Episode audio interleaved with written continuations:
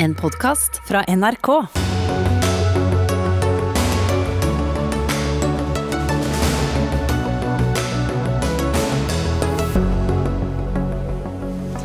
Flere sivile og amerikanere skal være drept i to eksplosjoner ved flyplassen i Afghanistans hovedstad. Flere koronapasienter legges nå inn på sykehus i takt med at smitten øker. I dag ble det satt ny rekord. September skulle være måneden da vi kunne begynne å leve normalt igjen, sa helseministeren for eh, litt over to uker siden. Var det lurt sagt? Og hvor mye påvirkes egentlig velgerne av alle meningsmålingene som de bombarderes med? Ja, dette er noen av sakene i kveldens Dagsnytt 18 med Espen Aas. Vi skal eh, om kort tid til den dramatiske utviklingen i Afghanistan, men vi begynner her hjemme. For um, aldri, et, uh, aldri, før har så mange blitt smittet med korona i løpet av ett døgn i Norge som uh, det foregående, til sammen 1294. Og Nå i ettermiddag kommer det tall som viser at flere også blir innlagt på sykehus. 65 koronasmittede pasienter er nå innlagt, og det er ni flere enn i går. Det høres kanskje ikke ut som dette går helt riktig vei, assisterende helsedirektør Espen Rostrup Nakstad? Det er en vanskelig fase nå, fordi vi har fortsatt fem-seks uker igjen før alle er vaksinert av de voksne i Norge som vil bli tilbudt vaksine. Og I den mellomfasen så er vi sårbare for en stor smittebølge, og vi ser at det nå er en del folk i 30-åra som blir lagt inn på sykehus. Blir det veldig mye mer smitte, så blir det også flere innleggelser på sykehus. Mm. Men eh, at vi da har en rekord i løpet av et døgn, hva forteller det oss når jo såpass mange er eh, også vaksinert? Det viser flere ting. Det viser at disse vaksinene er ikke supereffektive. altså Det er mulig å smitte videre selv om man er vaksinert. Og så viser det jo at vi bare har halvparten av befolkningen fullvaksinert hittil. Så vi har et stykke igjen disse neste fem-seks ukene. Og det er veldig viktig for oss å si nå, at vi må stå det løpet nå i fem-seks uker til for at vi skal kunne leve mer normalt, som helseministeren har sagt. Det er en vanskelig mellomfase nå hvor vi fortsatt er ganske sårbare for mer smitte, og også for en del flere innleggelser. Men forteller det også en historie om at vi ikke er like flinke til å holde avstand som før, siden vi da som sagt setter en eh, døgnrekord? Det er helt åpenbart at delta-varianten, som er mer smittsom, kombinert med at folk lever veldig mye mer normalt, eh, som de jo for så vidt kan gjøre, de som er fullvaksinert, det bidrar til at denne smitten stiger veldig. Eh, og så er det klart at eh, vi startet høsten på et høyere nivå enn i fjor. I fjor hadde vi jo nesten ikke noe smitte på sommeren. Nå startet vi høsten dessverre med et litt høyere nivå. Og Det forklarer hvorfor dette går ganske fort oppover. Men det er heldigvis ikke noe stor bølge av innleggelser, dette her. Men innleggelsesnivået nå er omtrent halvparten av det det var i den andre bølgen i fjor høst. Og fortsetter denne raten, så kan det vel fort bli eh, mange? Da kan det bli sånn at sykehusene begynner å merke det, og også at kommunehelsetjenesten ikke minst merker det. Så det er jo det vi ønsker å unngå nå. Fordi veldig mange av de som nå smittes de neste ukene, de vil jo, hvis ikke de blir smitta, faktisk rekke å få en vaksine å få to doser vaksine. Og Det er mye bedre å få de to dosene først enn å få sykefravær og risikere eventuelt å bli alvorlig syk for noen få av dem. Mm. Du nevnte at det var mange i, i 30-årene som, som, er smittet. så Det betyr at det hovedsakelig er unge mennesker som, som, smittes? Det er de yngste nå, de unge voksne og ungdommene som i hovedsak smittes, og noen barn. Og Dette trekker jo gjennomsnittsalderen veldig ned, både på de som blir smitta, men også de som blir innlagt. Så Det er sånn bildet ser ut nå. Mm. Bli med oss eh, videre, for det er eh, en rekke kommuner som, eh, som sliter med denne smitteeksplosjonen, som er, er, vanskelig å håndtere. Og Vi skal til både Bergen og Trondheim. Vi, vi begynner i Bergen. Egil Bovim, der er du smittevernoverlege. Dere har måttet iverksette en rekke tiltak i dag. Hva, hva har dere gjort? Nei, altså Vi har en lokal forskrift som for så vidt gjelder til søndag. Det som vi har måttet gjøre i dag, det er at vi har måttet si at denne ordningen med test for karantene hvor skolebarn kan la være å gå på skolen, eller komme på skolen, la være å gå i karantene mot å teste seg, den har, må, har vi måttet suspendere. Hvorfor det? Vi er strekt på ressurser. Vi er strekt på personellressurser i alle TISK-avdelingene. Og eh, vi fant at dette var det tiltaket som enklest kunne iverksettes, og som eh, vi da kan eh, kjøre en stund, i håp om at vi kan omdisponere personal. Og dessuten lage en bedre ordning for å komme i gang med det systemet. Men hva blir konsekvensen av det eh, i kommunen? Konsekvensen blir at en del barn må i karantene. Eh, og at eh, vi sparer en del ressurser på testing, og vi sparer en del ressurser på å sette opp systemene. Hva med smittesporingsarbeidet, som jo også er viktig? Der sliter vi. Vi har større tall av smittede som ikke er påbegynt sporing enn jeg har sett noen gang før. Eh, og Det var litt av grunnen til at vi nå håper å omdisponere en del folk fra teststasjoner til smittesporing. Uh, ut fra den, det ansvaret du har i, i, i din jobb, uh, hvordan vil du beskrive din egen bekymring over situasjonen? Jeg deler jo veldig Nakstad sin bekymring om at vi kan få høyere tall. Og uh, jeg er bekymret for at organisasjonen sliter. Og det vil ta veldig lang tid å ta igjen alt det som vi ikke har gjort nå i pandemien, etter pandemien. For folk er grådig slitne. Mm. Du blir også med oss videre. Så beveger vi oss eh, litt nordover til, til Trondheim. Morten Målen, du er kommunedirektør eh, i, i, Trondheim. og Dere har rett og slett måttet innføre påbud om munnbind igjen. Hva, hva er årsaken? Nei, Vi har jo to store smitteutbrudd i Trondheim som starta for ja, fire-fem dager siden. og Det er smitteutbrudd knytta til skole, grunnskole, videregående skole. Og så det største smitteutbruddet knytta til Eh, universitet, da først og fremst NTNU. Eh, så i dag hadde vi i eh, underkant av 70 smitta på PCR, pluss en 75 som hadde positiv hurtigtest. sånn at og Det som er utfordringa nå, er at i hvert fall studentene, veldig mange av dem har veldig mange nærkontakter. Inntil 60-80 nærkontakter. og Det betyr at det blir krevende for smittesporingsarbeidet. Og vi valgte da i dag, altså formannskapet valgte i dag å innføre en ny forskrift. Har du kontroll? Ja, jeg mener det. Jeg, jeg må jo på en måte med, med når Nakstad er her. Jeg synes at det nye testregimet som ble innført, det kom veldig brått på oss. Så vi har jo hatt eh, noen utfordringer med å tilpasse oss. Det er veldig veldig mange som nå skal teste seg. og Vi har jo eh, på en måte etablert et nytt tilbud på tirsdag, men vi ser jo at det ikke holder. Eh, og nå vil vi eh, sørge for at eh, testing på skole skjer på skolen, i samarbeid med FAU og skolene sjøl. Det tror jeg er veldig lurt, så slipper elevene å, å reise ut for å teste seg. Ellers så tror jeg at vi har sånn rimelig god kontroll. og skal også skrine studentene. Det gjorde vi i forrige uke. 6500-7000 førsteårsstudenter som ble skrina. og i løpet av noen få dager skal vi skrine alle studentene i Trondheim, men 35 000-40 000 studenter. Men hva er ditt råd til eh, innbyggere i, Trondheim, enten de er eh, studenter eller andre, i de nærmeste dagene? Nei, Rådene er jo de samme som vi har hatt hele tida. Det er håndhygiene, det er munnbind, det er å holde avstand. Og gjerne også fortsatt sørge for å begrense antall sosiale kontakter. Det er det som er nøkkelen for å lykkes med å komme i mål med dette her. Eh, og så må jo vi som kommune sørge for at vaksinasjonen går som eh, for fullt. og vi, vi satte vel vaksinerekord i dag med 4000 vaksiner, og vi fortsetter i høyt tempo framover. Også i Oslo, hovedstaden, så er det kapasitetsproblemer når det gjelder eh, smittesporing. Og Espen Nakstad, hvis den ikke lenger kan opprettholdes, hva da? Nei, ehm, For det første må jeg si at eh, vi forstår veldig godt kommunene som nå har eh, sliter med dette. Alle visste at det ville være krevende å gå over på grønt nivå for skolene når de skulle begynne. og Det er klart det å erstatte karantene, som er relativt enkelt, med det å teste folk isteden, det, det vil kreve mer ressurser.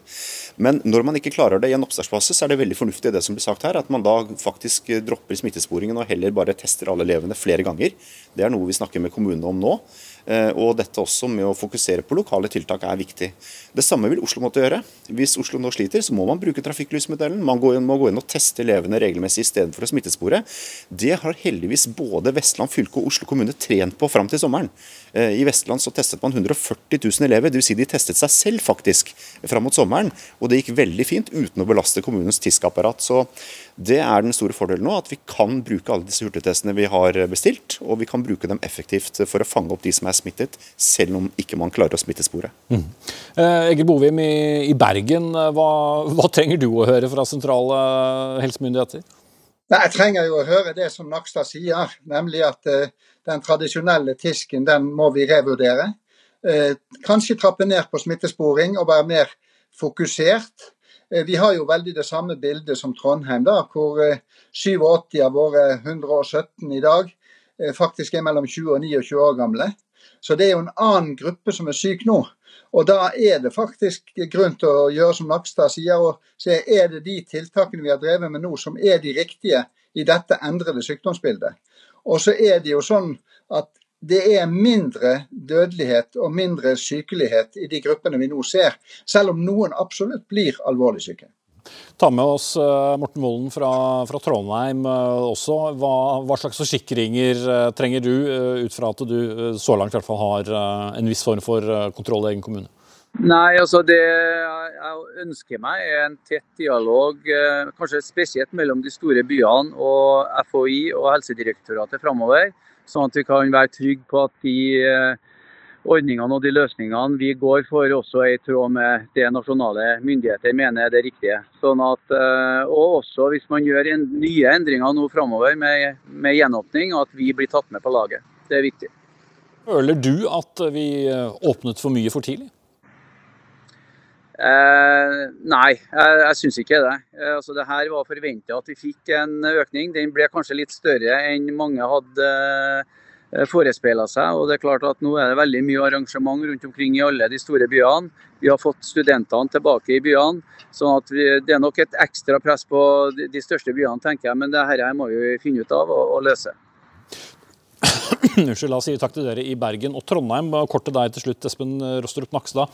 Hva er rådet til folk? Altså, Vi forflytter oss mer nå, arbeidsreiser, andre former for reiser. Bør vi ikke reise til byer som Oslo, Bergen og Trondheim? Viktigste rådet nå det er å holde seg hjemme når du er syk. Bestill en test, og tenke på det også selv om du er fullvaksinert. Holde avstand til andre i det offentlige rom, også hvis du er fullvaksinert. Og huske på at dette viruset smitter overalt. Det er ikke lenger sånn at det ikke smitter på skoler eller ikke smitter her og der.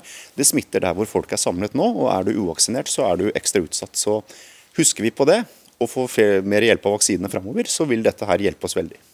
Men ingen råd om å, å begrense reisingen internt? Uh, det er nok den sosiale kontakten nå som er en hoveddriver. Eh, sosiale sammenhenger. Det ser ut som rene arrangementer som følger arrangementsbestemmelsene, ikke medfører veldig stor risiko. Så det er når du møter veldig mange venner, er innendørs sammen med veldig mange mennesker, uansett hvor de er, da øker smitterisikoen. Mm. Takk skal du ha, assisterende helsedirektør Espen Rostrup eh, Nakstad. Det er jo da ikke mer enn 16 eh, dager siden at helse- og omsorgsminister Bent Høie sa til oss her i Dagsnytt 18 at mot utgangen av september ja, så kunne vi begynne å leve som normalt igjen. Også da var smitten på vei oppover, men beskjeden var like fullt gjenåpning. Og Kjersti Toppe, stortingsrepresentant for Senterpartiet, med oss fra Bergen.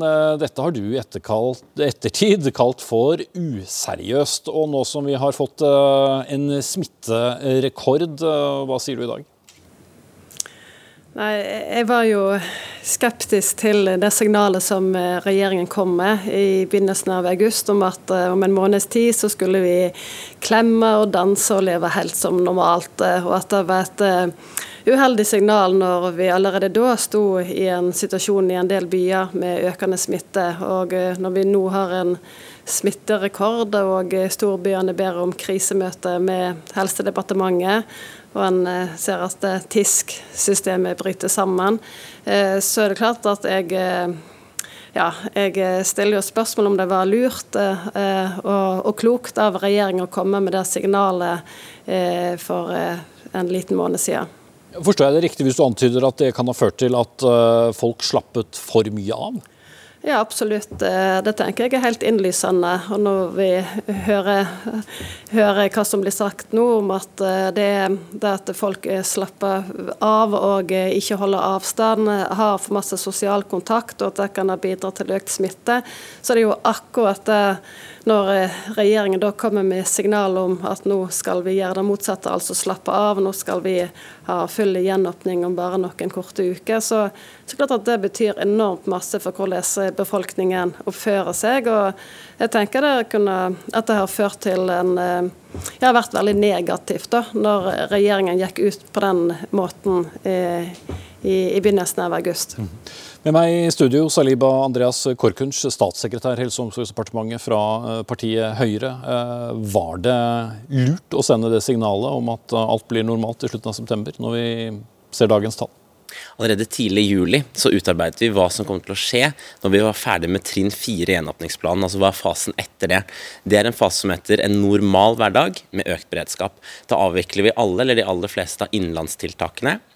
har noen av eh, tiltakene på grensen, men ellers så vil folk leve som normalt.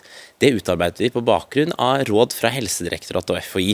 Eh, og da Tidlig i juli så sa vi at vi kom til å ta en eh, vurdering i starten av september om det var mulig å komme til det. I det intervjuet som Høie og Solberg hadde for noen uker siden, så pekte de på at det er sannsynlig at det vil skje først etter etter at alle voksne nordmenn har fått muligheten til å bli fullvaksinert. Altså i løpet av september. Men, men er du enig i kritikken fra, fra Toppe her om at det kan ha sendt et uh, signal til mange om at uh, nå er faren over, vi kan uh, senke skuldrene, og dermed så har smitten spredt seg? Nei, jeg tror ikke det. For vi la Gjenåpningsplanen for Norge den la vi jo frem allerede tidlig i april. Der pekte vi på hva som kom til å skje, altså hvilke steg som skulle til for å åpne Norge fullt og helt. Så dette er så forventet uansett? Ja, Dette er som forventet, for vaksinene fungerer veldig godt. Vaksineringen har virkelig skutt fart fra før sommeren til nå. I dag, eh, nei, Denne uken så settes én million vaksinedoser. Det settes ca. én million vaksinedoser neste uke også. Det og det settes smitterekord i løpet av et døgn. Helt riktig. Og det og har, fine med det Ja, Før du får lov å fortelle hvor fint det er, så har vi nå altså hørt Bergen, vi har hørt Trondheim, vi hører Oslo. Alle sier at nå er, er ressursene spent Sender det egentlig et signal om at vi har alt under kontroll?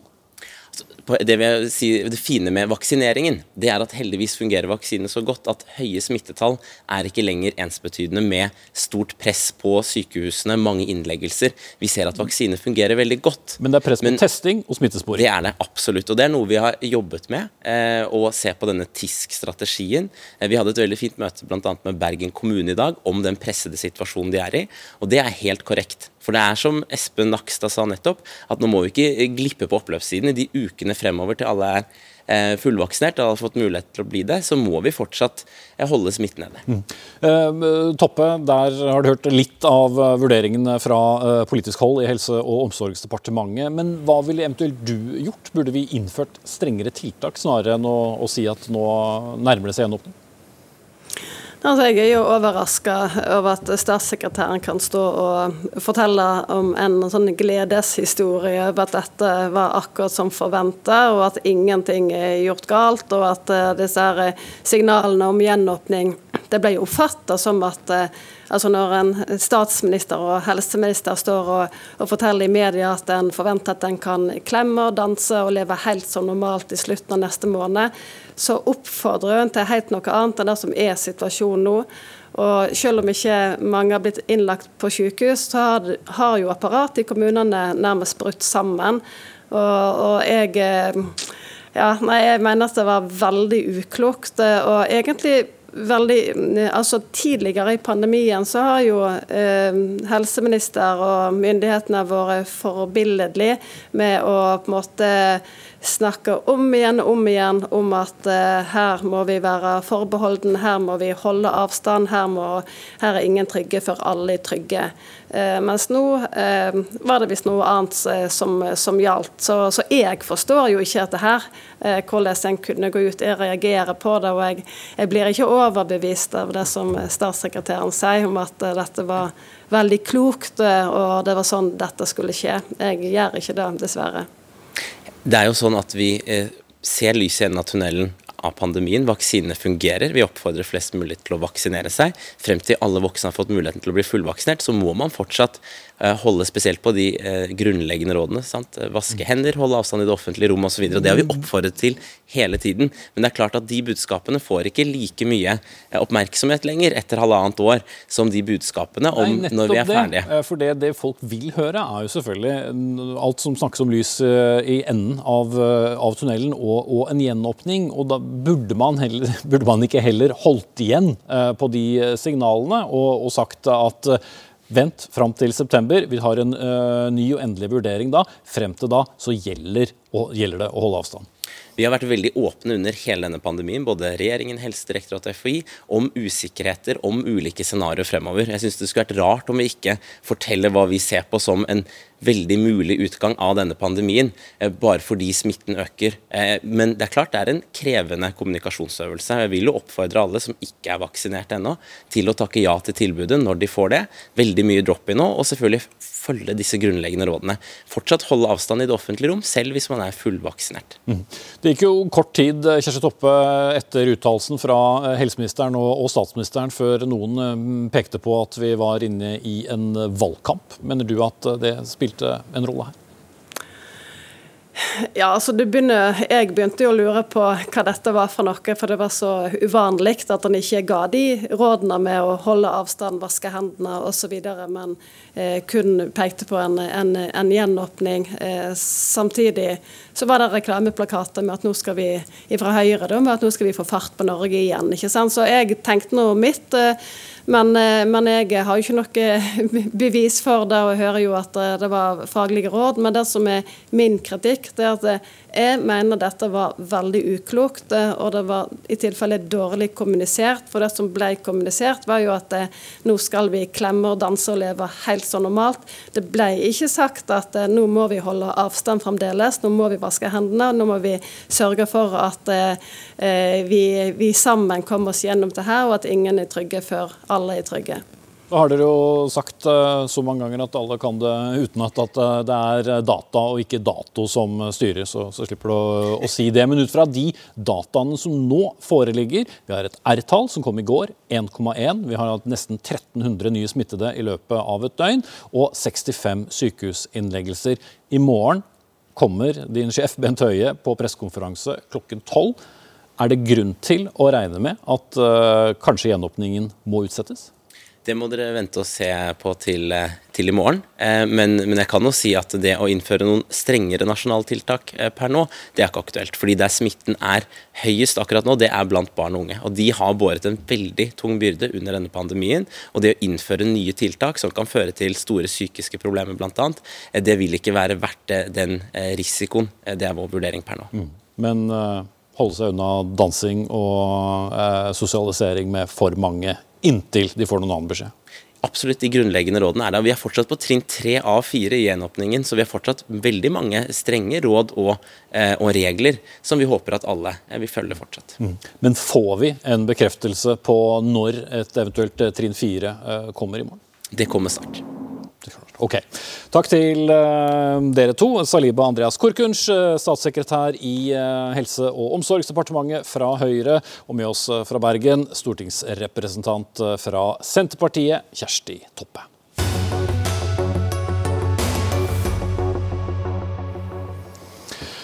For eh, litt over to timer siden så bekreftet det amerikanske forsvarsdepartementet Pentagon eh, at det hadde gått av eh, iallfall én eksplosjon utenfor flyplassen i Kabul. Så ble det også snakket om en annen. Afghanere som hadde samlet seg utenfor i et siste desperat forsøk på å bli evakuert, hadde på forhånd blitt advart om økt fare for terrorangrep. Og Midtøsten-korrespondent Yama Wolasmal, du er med oss direkte fra Beirut, hvor du har eh, din base. Eh, det er jo ikke lenge siden du var på den samme flyplassen. Hva er de siste opplysningene du har om hendelsesforløpet? Det kommer jo litt eh, motstridende meldinger fra forskjellige byråer, både om antall drepte og, og antall eksplosjoner. Jeg har snakket med øyenvitner på bakken som var til stede i nærheten. De melder om minst to eksplosjoner. Eh, de snakker om to selvmordsbombere som skal ha sprengt seg, som sprengte seg rett utenfor det som heter Abbey-gate, en av fire porter inn til den militære delen av Kabul flyplass. Der gikk en eksplosjon av. Den andre eh, selvmordsbomberen eh, sprengte seg utenfor det som heter Barron Hotel. Dette er i samme gate, men med 400-500 meters avstand. Barron Hotel er et sted hvor mange vestlige har pleid å bo, og blir nå brukt av flere vestlige ambassader til å evakuere ut sine borgere. Altså De samles inne på Barron Hotel, og så fraktes de i pansrede biler inn til den militære delen. Utenfor dette området er tusenvis på tusenvis av mennesker. De har vært samlet helt siden Taliban stormet inn i Kabul. Vi snakker familier, eldre, barn som står tett i tett. Man kan bare forestille seg hva slags scene som har vært der etter disse eksplosjonene. Eh, og som du sier, eh, Yama, her eh, er det folk som skal evakueres. Det blir foretatt eh, en god del papirarbeid. Bl.a. melder britiske myndigheter om at dette var tett på der de foretar en del av, sjekkingen på, på folk som ønsker å bli evakuert. Hva er grunn til å tro om valg av sted for disse selvmordsbomberne? Dette er vel neppe tilfeldig? Det er det ikke. Ifølge amerikanerne har det vært konkrete trusler fra IS i Afghanistan mot flyplassen. og Grunnen til at man rammer et slikt sted, er fordi her står utenlandske soldater ganske sårbare. Vi snakker om et område hvor utenlandske soldater kommer ut av den militære delen av flyplassen og står få meter unna Taliban-soldater og denne folkemassen som skal evakueres. Her utleverer man lister til Taliban, navn blir ropt opp, og så geleides vestlige borgere og andre som skal evakueres, inn av vestlige styrker. Så her kommer man svært tett på vestlige styrker. Derfor er det ikke tilfeldig at man angriper dette stedet. Eh, Taliban meldte om at det iallfall var minst 13 drept. Det er jo eh, en halvannen times tid siden. Men det snakkes altså om IS. Yamavul Asmal. Altså, hva er logikken i at IS i så fall skulle stå bak et eh, angrep eh, nå? Det er lite logikk bak IS eh, sine angrep. De har angrepet eh, fødselsklinikker og skutt eh, og drept gravide som er, i ferd med å, gi, som er i ferd med å føde. De har skutt spedbarn, nyfødte barn. så Der er det ikke mye logikk. Men i dette angrepet, hvis vi nå forutsetter at det er IS som står bak, så er nok målet utenlandske styrker. For som jeg sa, så er man veldig tett på utenlandske styrker i denne folkemengden. De står få meters, med få meters avstand. Så hvis det er IS, så er nok de utenlandske styrkene målet deres. Du oppdaterer deg videre på, på situasjonen eh, og kommer med nye eh, rapporter bl.a. Eh, i, i Dagsrevyen på NRK1 klokken 19. Yama Wolasmal, så jeg sier foreløpig takk til deg. Og så skal vi hente inn Ole Kristian Emaus, som er kommunikasjonssjef ved Forsvarets operative hovedkvarter. Hvis vi starter med nordmenn i området, er nå situasjonen rundt våre borgere avklart?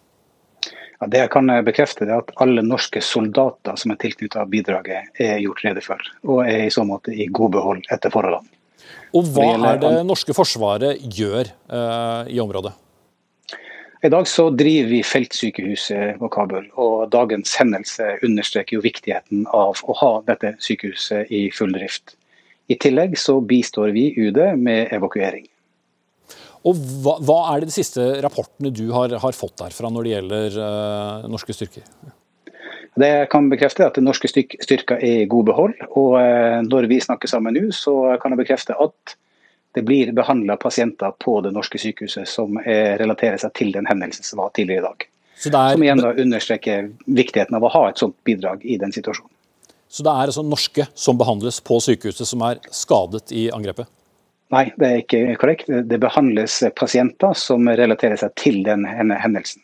Men altså, som er utenlandsk? Ja, Jeg skal, kan ikke gå inn på nasjonalitet, men jeg kan bekrefte at sykehuset behandler pasienter som kommer fra den hendelsen som eh, dere refererer til. Mm. Eh, og så eh, Allerede i morgentimen i dag ble det jo snakket mye om at flere land var klar over trusler mot flyplassen. Hva gjør dere for å kartlegge hvor disse truslene kommer ifra? Ja, Vi har gode samarbeidspartnere, og spesielt med amerikanere som står for sikkerheten rundt flyplassen. Så Vi er tett god dialog med alle de involverte partene. og iverksette tiltak basert på hva som bestemmes på bakken. Og Vi er nødt til å gjøre tiltak ut ifra den sikkerhetssituasjonen. Men per nå så er sykehuset i fullt operativ drift. Gjøres det noe spesielt for å sikre videre uh, de norske soldatene? Ja, sikkerheten til soldatene er vår første prioritet. så Vi gjør alt det vi kan for å understøtte det på best mulig måte. Nå har vi veldig god dialog med spesielt amerikanerne som står for sikkerheten, og vi føler oss etter situasjonen Eh, relativt eh, komfortabel med sånn som det er per nå.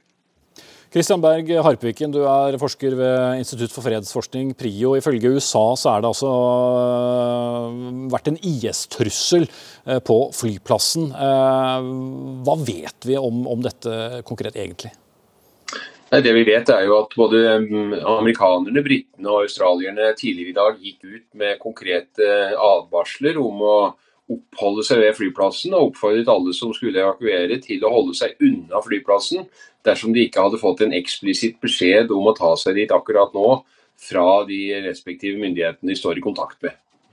Eh, og så vet vi jo enda ikke om dette er IS. IS har ofte tatt ansvaret for de terrorangrepene de har eh, gjennomført, men så langt er det ikke rapportert. Men eh, for å forstå da, hvis, hvis, det skal være IS, og vi tar de forbehold som, som vi tar her, eh, Harpiken, men hva slags forhold er det nå mellom IS og Taliban? IS og Taliban er bitre fiender, og det har de vært eh, hele tiden siden IS ble etablert i Afghanistan i 2015, inspirert av det som skjedde i Irak og Syria på den tiden. Eh, IS i Afghanistan har vært et ganske mangeslungent fenomen. Det har vært mange små grupper som har vært eh, nedkjempet etter, hvert. Men det finnes et uh, IS-nærvær i dag. Det er ikke nødvendigvis veldig stort, men de bruker terror i uh, sin aller mest brutale form. Og er i stand til å gjennomføre disse komplekse terrorangrepene. Og det gjør de selvfølgelig til en uh, trussel. Og akkurat i denne situasjonen så gjør de det til en betydelig trussel for Taliban. Fordi at de kan jo underminere det som er Talibans hovedfortelling om seg selv, nemlig at de bringer lov og orden.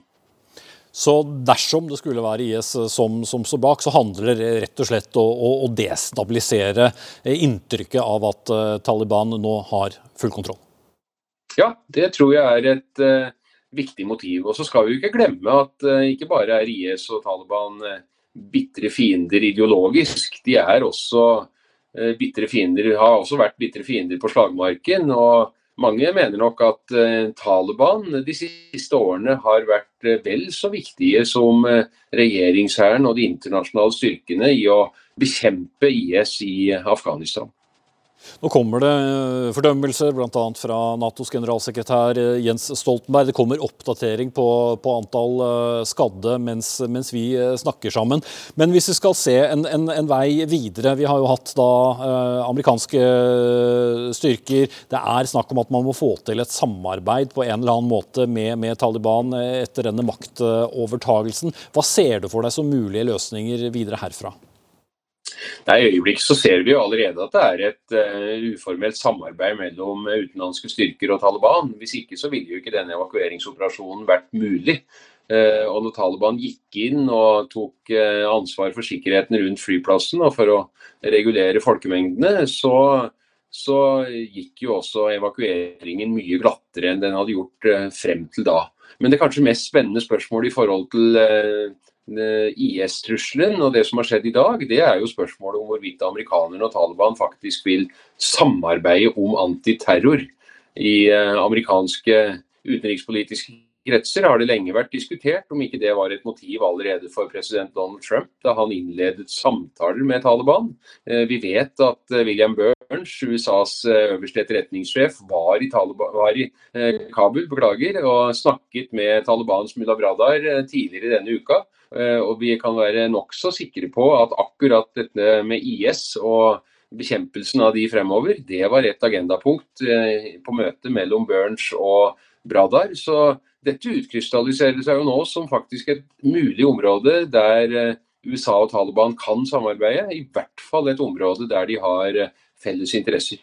Så Det paradoksale er egentlig at hvis dette er terrorangrep fra, fra IS, så vil det faktisk bringe Taliban og amerikanerne enda nærmere hverandre? Ja, det kan være utkommet av dette. så Jeg sier ikke at dette er godt nytt for Taliban, for det er dårlig nytt fordi at det underminerer nettopp deres historie om at de bringer lov og orden. Men det kan likevel eh, bringe noen muligheter, fordi at det fremtvinger eh, en dialog med ikke minst USA, men også andre allierte, på et tidspunkt da det sitter veldig langt inne. Og det er klart at For Taliban så er det viktig å få i gang den dialogen nå, for de skal drive et land. De har arvet en statsadministrasjon. Og selv med deres ressursbase så er ikke det noe som strekker til for å ta ansvaret for eh, hele denne statsadministrasjonen. Så de er veldig ivrige på å komme i dialog med det internasjonale samfunnet så raskt som overhodet mulig. Over 50 skal eh, være skadet eh, i, dette angrepet, kommer det nå meldinger om. Siste frist for evakuering var i utgangspunktet satt til 31.8. Det er fem dager unna. Er det sannsynlig at eh, Taliban nå vil forlenge denne fristen til utenlandske tilstedeværende for å forlate landet? Jeg tror ikke det er veldig eh, sannsynlig. Det er mange grunner til at Taliban ikke ønsker å eh, forlenge fristen. Dette er et kaos som er krevende for de, og det er også en eh, systematisk tapping av landets ressurser. En systematisert hjerneflukt.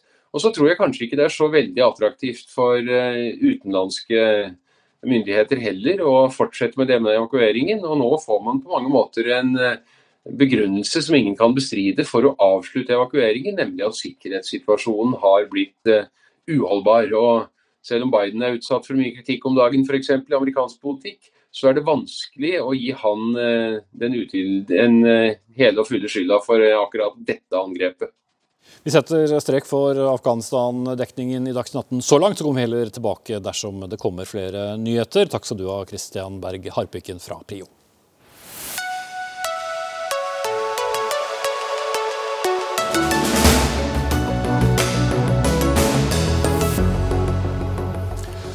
Mot slutten av eh, sendingen skal vi snakke om miljøaktivistene som i løpet av noen få dager har pådratt seg bøter på hundretusenvis av kroner for sivile ulydighetsaksjoner. Men denne bøteleggingen fra politiet den kan stride mot menneskerettighetene, mener en advokat som kommer til oss mot slutten.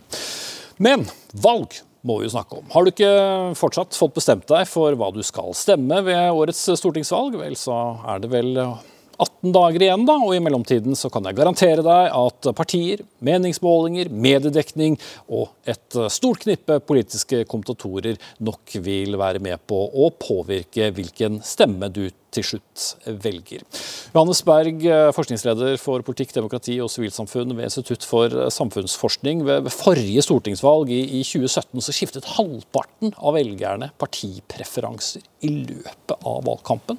Mm, det er helt riktig. Eh, så det er store bevegelser av velgere i løpet av valgkampen. Mange skifter parti, og noen ender jo på samme sted hvor de, hvor de startet. Men, eh, men, det sier noe om liksom, mulighetene for eh, dynamikk i løpet av valgkampen og sier også noe om hvor utrolig viktig da eh, de gjenværende eh, to og en halv eh, ukene med valgkamp er for partiene. Ja, absolutt. Så Partiene har, har, en mulighet til å vinne over de her velgerne som er i, i, bevegelse. Og så er det jo ikke sånn at velgerne liksom hopper fra Rødt til Frp, men man har kanskje et knippe av partier man lurer på om man skal stemme på. Og valgkampen, det som skjer i løpet av de neste ukene, kan være, kan være avgjørende for det. Og i de senere valg, eh, stortingsvalg da, som er det vi snakker om her, så har det jo vært eh, blokker. Du har hatt en eh, blå og litt flere farger blokk på, på ene siden, og så har du hatt da rød-grønn blokk på den andre. Og ut fra hvilke partier som regnes med, så gjør dette kanskje også vel så utfordrende for en del velgere. Ja, det, det, er absolutt utfordrende for velgerne. Men, men, de fleste beveger seg på en måte innad i, i disse blokkene, og, og, og har, gjerne et par partier da de, de står imellom når de til slutt skal, skal finne ut hva de skal stemme på. Mm. Sveinung Arnesen, forsker ved Norwegian Research Center, eller NORSE som vi sier. Disse meningsmålingene som uh, både vi her i NRK og andre medier bombarderer velgerne med gjennom denne hektiske valgkampen, hvor mye får de å si? Altså, De har jo noe å si for de velgerne som ikke har bestemt seg, som kanskje tenker litt taktisk rundt sin stemmegivning. Det er klart Mange eh, har bestemt seg allerede, de forhåndsstemmer og eh, eh, vurderer ikke stemme på et annet parti enn det de har knyttet seg til. Eh, gjerne stemt på i mange år. Eh, men andre tenker kanskje mer politikk og eh, bruker sin stemme på et parti for å oppnå mest mulig ut av sin politikk. Og Da kan det hende at de må tenke litt strategisk. F.eks. hvis de ser et parti som, hvis de har et nummer én-parti som er trygt, mens et annet nummer to-parti som ligger og vaker langs sperregrensen, så kan det hende at det er lurt av de å bruke sin stemme på det partiet som eh, trenger hjelp til å komme over sperregrensen. Eh, også kan det hende på fylkesnivå at det er kamp om mandater. Eh, og da vil jo meningsmålingene kunne avsløre det.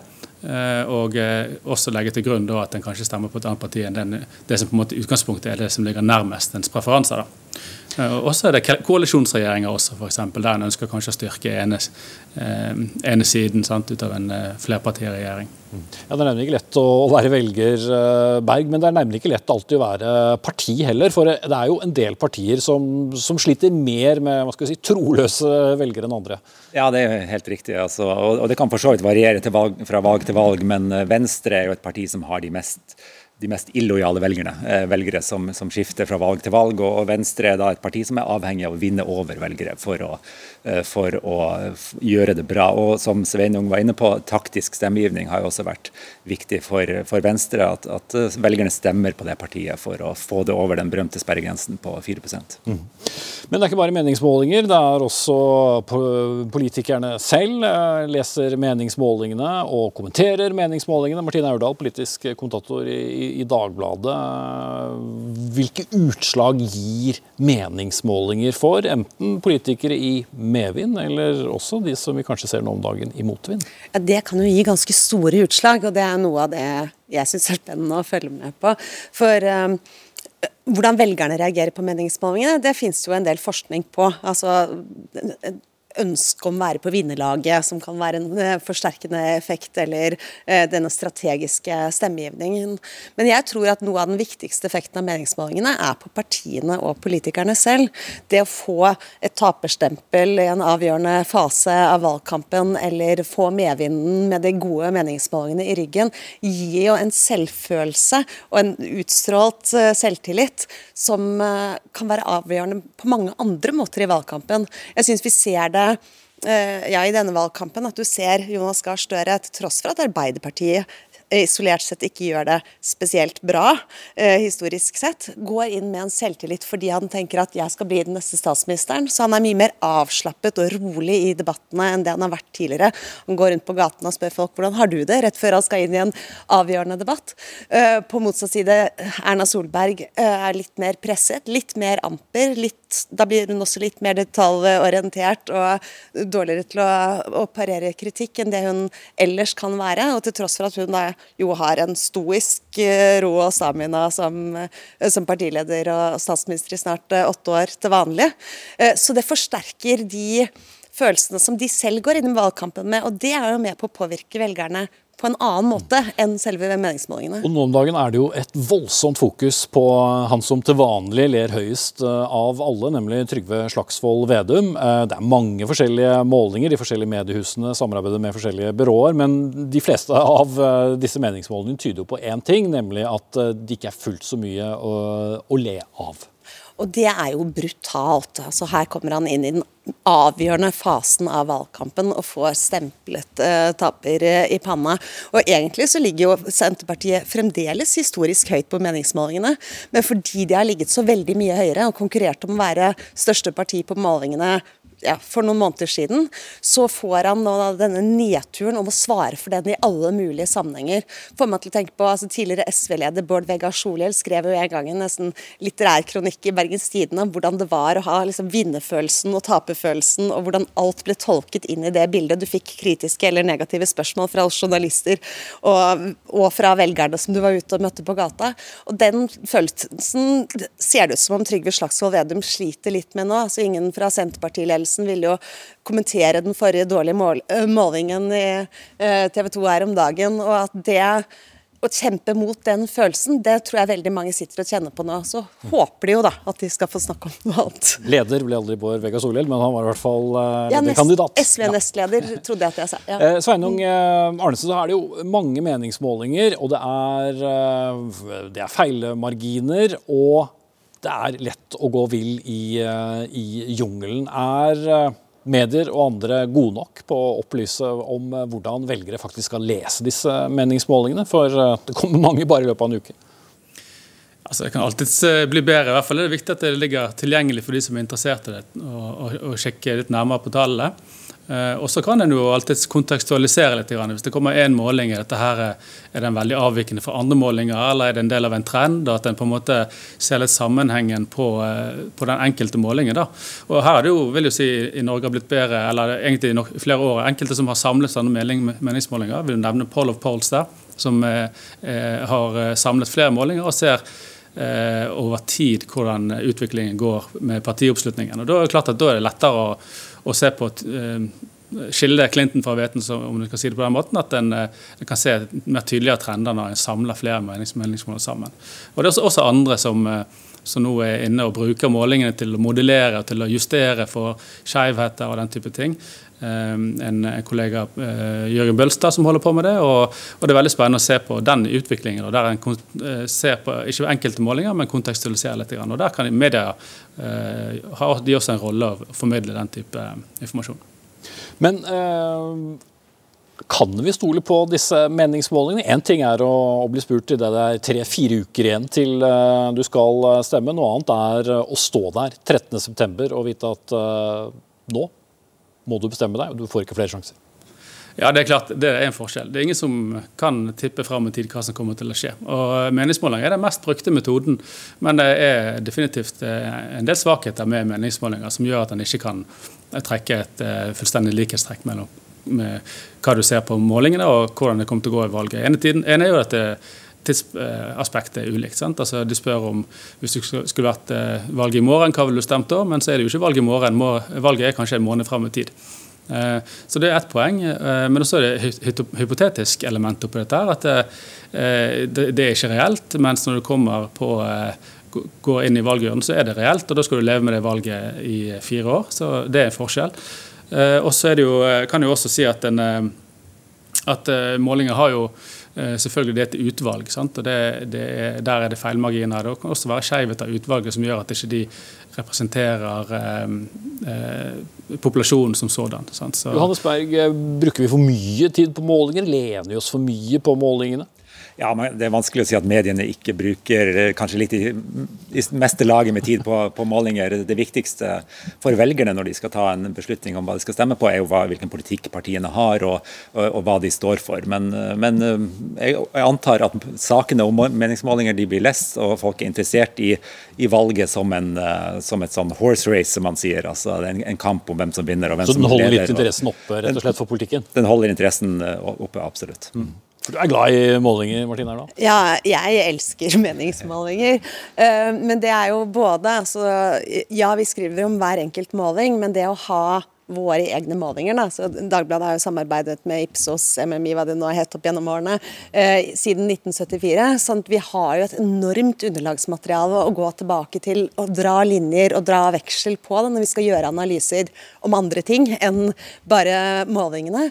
Og det er jo et verktøy som i hvert fall jeg bruker mange ganger i uka og har ekstremt stor nytte av i andre politiske analyser, som også kommer leserne til gode. Men når det står med store bokstaver akkurat nå, ny meningsmåling, er vi alltid like flinke til å opplyse velgerne våre om at her er det feilmarginer. Det er jo helt klart at kommer noen ganger målinger uten store endringer, og da er vi kanskje ikke alltid like flinke til å fortelle hva som er signifikante endringer og ikke. Mm. Ja, for Johannes Berg, hva, Hvis du skal uh, gå forbi journalister og, og, si til de som uh, ser og hører på nå, hva skal de være litt obs på når det gjelder nettopp uh, feilmarginer? Fordi at, at, et stort parti, eller et lite parti for den saks skyld, har flyttet seg ett prosentpoeng, betyr mm. ikke så mye. Det betyr uh, ingenting, egentlig. Uh, feilmargin indikerer jo hva som kan skyldes bare tilfeldigheter i en meningsmåling. Så hvis du har en feilmargin på la oss si pluss-minus tre prosentpoeng, så, så, vil en endring på ett eller to prosentpoeng uh, ikke bety noe som helst. Så, så, det er de store endringene man skal se på. Og så er jeg jo helt enig med Svein Unge Arnesen i at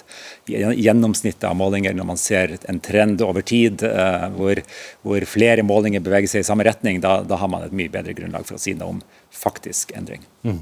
For en meningsmåling som man har brukt tusenvis av kroner på og sier her er det ingen endring, er kanskje ikke så gøy å publisere? Nei, og det blir jo som oftest uh, sak likevel. Men det er klart at det å ha da samarbeid med et uh, institutt over veldig mange år, gir jo likevel et grunnlag for å si noe om utviklingen som, uh, som også gir innsikt. Mm. Hva er du mest spent på når du skal analysere dette valget? Uh, fordi det kan jo i hvert fall se ut som det har vært en viss velgerforflytning bare i løpet av noen uker? Johannesberg. Ja, Det virker som det er veldig store endringer. og som jeg sa tidligere, Ofte så utligner jo disse velgerbevegelsene hverandre, men, men nå er det reelle endringer på, på målingene som, som, ser ut til å ha en, ha en betydning. Så, så det, det er vi veldig spent på hva har skjedd med Senterpartiets velgere. Og så, så er alle disse mindre partiene da, som er i ferd med å enten komme inn på Stortinget med en stor gruppe, eller forsvinne ut, med i hvert fall mange representanter ut av, av Stortinget. Det, det, kan bli et endringsvalg hvis man stoler på de meningsmålingene vi har nå. Så kan det se ut til et, et endringsvalg hvor, hvor, det blir en større fragmentering på rød-grønn side, og hvor, hvor norsk politikk får et litt annet bilde da enn det har hatt så langt. For to uker siden så jo dette valget ut til å være ikke noe spennende i det hele tatt. Og så har jo meningsmålingene de siste ti dager vist at det er store endringer i velgermassen og veldig mange forhåndsstemmer. Så nå er det veldig mye som er i spill. Og det endrer jo hele både debatten og dynamikken i valgkampen, og sannsynligvis også valgresultatet. Kile et siste spørsmål til deg, Jonas Berg, for Det er jo en del små partier som prøver å komme inn. En rekke lister i, i mange fylker. Ser det ut som vi får noen nye partier på Stortinget, eller er det mer grunn til å tro at vi får færre? Eh, jeg tror ikke vi får eh, flere. Eh, vi hadde jo rekordmange egentlig i 2017, ni partier på Stortinget. Det har vi aldri hatt så mange tidligere. Og de små partiene de ligger nok ikke an til å komme inn på Stortinget. Men de kan jo ha en betydning ved at de tar velgere fra andre partier, og sånn sett kan de få en, en avgjørende betydning. Mm. Og på noen målinger, som vår formåling, så ligger jo Demokratene an til å få ett mandat. Andre gruppen har jo blitt veldig stor står mye av dem. Så det er jo noe av det som er spennende å følge. Mm. Men 100% av de tilstedeværende Dagsnytt 18-programlederne må faktisk si takk til dere nå. Johannes Berg, Sveinung Arnesen og Martine Aurdal.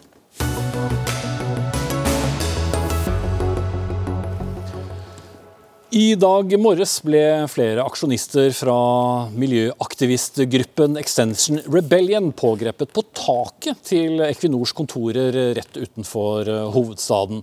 I går la Aksjonister fra samme gruppe seg ned i en gate i sentrum av Oslo og hindret at folk kom seg frem. Og dagen før det igjen inntok de et av eh, regjeringens eh, departementer. Men det får sine følger. Totalt har disse aksjonistene fått bøter på til sammen 429 000 kroner denne uken.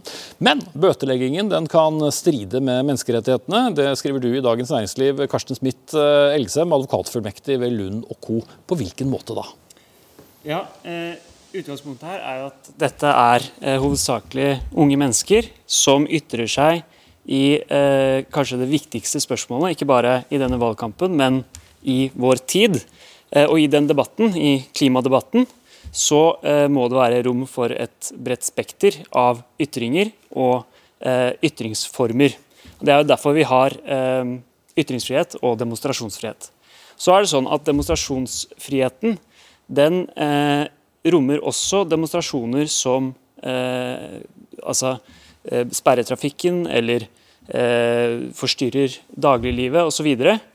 Eh, så de, de demonstrasjonene vi ser eh, i dag, de har også et menneskerettslig vern. Ja, på hvilken måte da? For det er vel ikke noen sånn carte blanche til å gjøre hva man vil? Det er det ikke. Og et selvfølgelig viktig poeng her er jo at de er fredelige.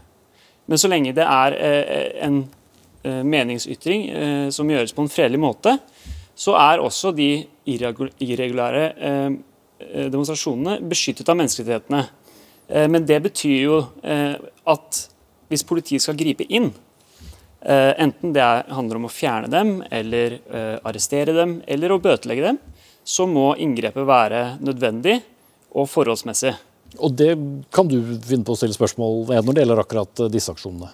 Ja, og da særlig når det gjelder eh, bøtene som kommer i ettertid. Eh, som jo er en strafferettslig reaksjon eh, som kommer eh, i etterkant av selve hendelsen. Og Der har Den europeiske eh, menneskerettighetsdomstolen sagt at da skal det ekstra mye til før man godtar et slikt inngrep. og så er det jo sånn at Siden dette handler om forholdsmessighet og proporsjonalitet, så vil jo spørsmålet om det er i strid med menneskerettighetene, vil variere. Mm. Men, eh, ja, men eh, det interessante spørsmålet er jo om denne bøteleggingen og politiets praksis er problematisk. Og det mener jeg den er fordi den er, eh, det er høye bøter. De utdeles sjablongmessig, ut, tilsynelatende uten noen vurdering av om det er forholdsmessig. Mm. Det er ikke alle som var helt enig i det du skrev. Stig Harald eh, Solheim, professor ved juridisk fakultet på Universitetet i Tromsø. Du mener nemlig at dette ikke strider med, med menneskerettighetene å gi ut disse bøtene. Så hvordan leser du dette? Nei, jeg vil jo først eh, understreke at retten til fredfulle demonstrasjoner er en viktig menneskerettighet. og det er mange gode grunner til å utvise tålmodighet med engasjert ungdom. Eh, men det er også viktig å understreke at eh, denne rettigheten er ikke absolutt. Eh, og aktivisme i form av sivil ulydighet er ikke i kjernen av rettigheten. Eh, nettopp fordi den type aksjoner går utover andre borgere sine lovlige rettigheter. Da trenger rettsstaten effektive virkemidler for å stoppe det. Og, eh, tenker du på da? Da tenker jeg på type bøter. Eh, det kan selvfølgelig også være at man eh, gir en ordre om bortvising eh, i første omgang, men det man ser er jo at man ikke retter seg etter det, og da trenger man en allmennpreventiv effekt. Og der vil bøter være en ganske effektivt virkemiddel, men som ikke er veldig strengt, selv overfor engasjert ungdom. Men vil ikke også en bøtelegging av, av aksjonister på, på, denne måten også kanskje skremme vekk noen som eh, velger denne formen for å delta i samfunnsdebatten? Kanskje til en viss grad, men det er jo også poenget at det skal ha en allmennpreventiv effekt uten å få en såkalt skilling-effekt, sånn at folk blir redd for å ytre sine meninger. Men hvis vi ser realistisk på det, så er det jo ikke sånn at disse aktivistene ikke har andre muligheter til å fremme sine standpunkter på. Men, som er lovlig. Men, men Elgesem, finnes det eksempler på at tilsvarende eh, måter å uttrykke en protest på, som f.eks. da å, å, lage trøbbel i, i trafikken og lignende, eh, har ført til at folk har gått fri, selv om de har blitt bøtelagt?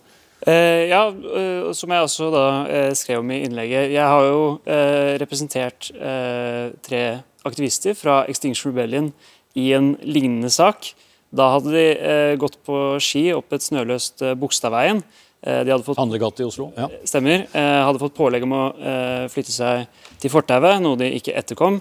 de ble arrestert, brakt inn i fire timer og fikk en bot på 13 000. og da kom retten til at når de først da hadde blitt arrestert og sittet inne i fire timer, eh, så var denne boten på 13 000 kroner eh, på toppen av det Eh, et uforsvarlig og uforholdsmessig inngrep i deres demonstrasjonsfrihet, eh, så de ble frikjent. Mm. Og Det er litt av grunnen til at du overfører eh, den saken til, til, det som vi har sett denne uken? Ja, absolutt. Det er, det er, lignende situasjoner. Det er selvfølgelig forskjellig grad av forstyrrelser og forskjellig grad av alvorlighet, men det er et, et, noe man skal være bevisst på i, i bøteleggingen og i denne bøteleggingspraksisen. Mm. Hør din vurdering av dette fra Tromsø, Solheim.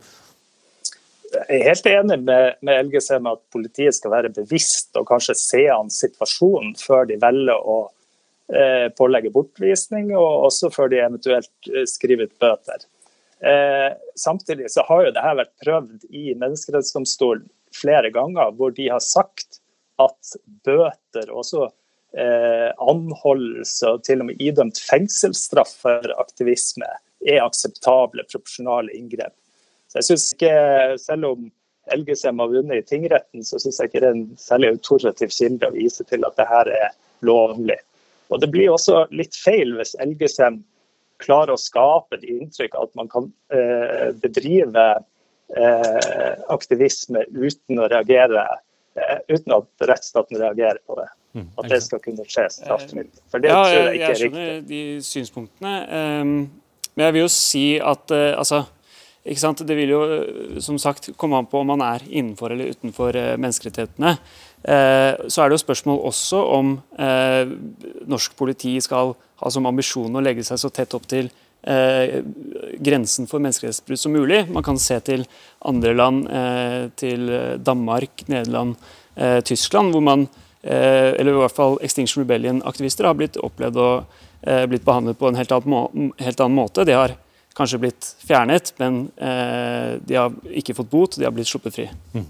Vi får se om eh, bot fører til bedring, enten det gjelder saken eller om det gjelder metodene til eh, de som eh, velger å, protestere. Takk til Stig Harald Solheim og Karsten Smith Elgesem her i studio. Vi nærmer oss slutten på, på Dagsnytt 18, men jeg skal bare ta med at utenriksminister Ine Riksen Søreide har uttalt seg om situasjonen i Kabul. Og hun sier situasjonen rundt flyplassen nå er svært dramatisk. Hun kaller det terrorangrep og fordømmer disse handlingene. Søreide sier til NRK nå under sending at de ikke lenger har anledning til å tilby assistert utreise for norske borgere. Et fly med i overkant av 100 personer om bord har akkurat tatt av fra Kabul, og Søreide sier at porten til flyplassen nå er stengt. Det var det vi hadde i Dagsnytt 18. Det var Sara Victoria Rygg som hadde ansvaret for den. Jeg heter Espen Aas. Vi er på plass igjen i morgen. Takk for nå.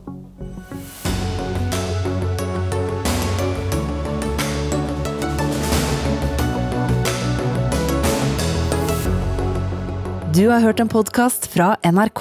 Hør flere podkaster og din NRK-kanal i appen NRK Radio.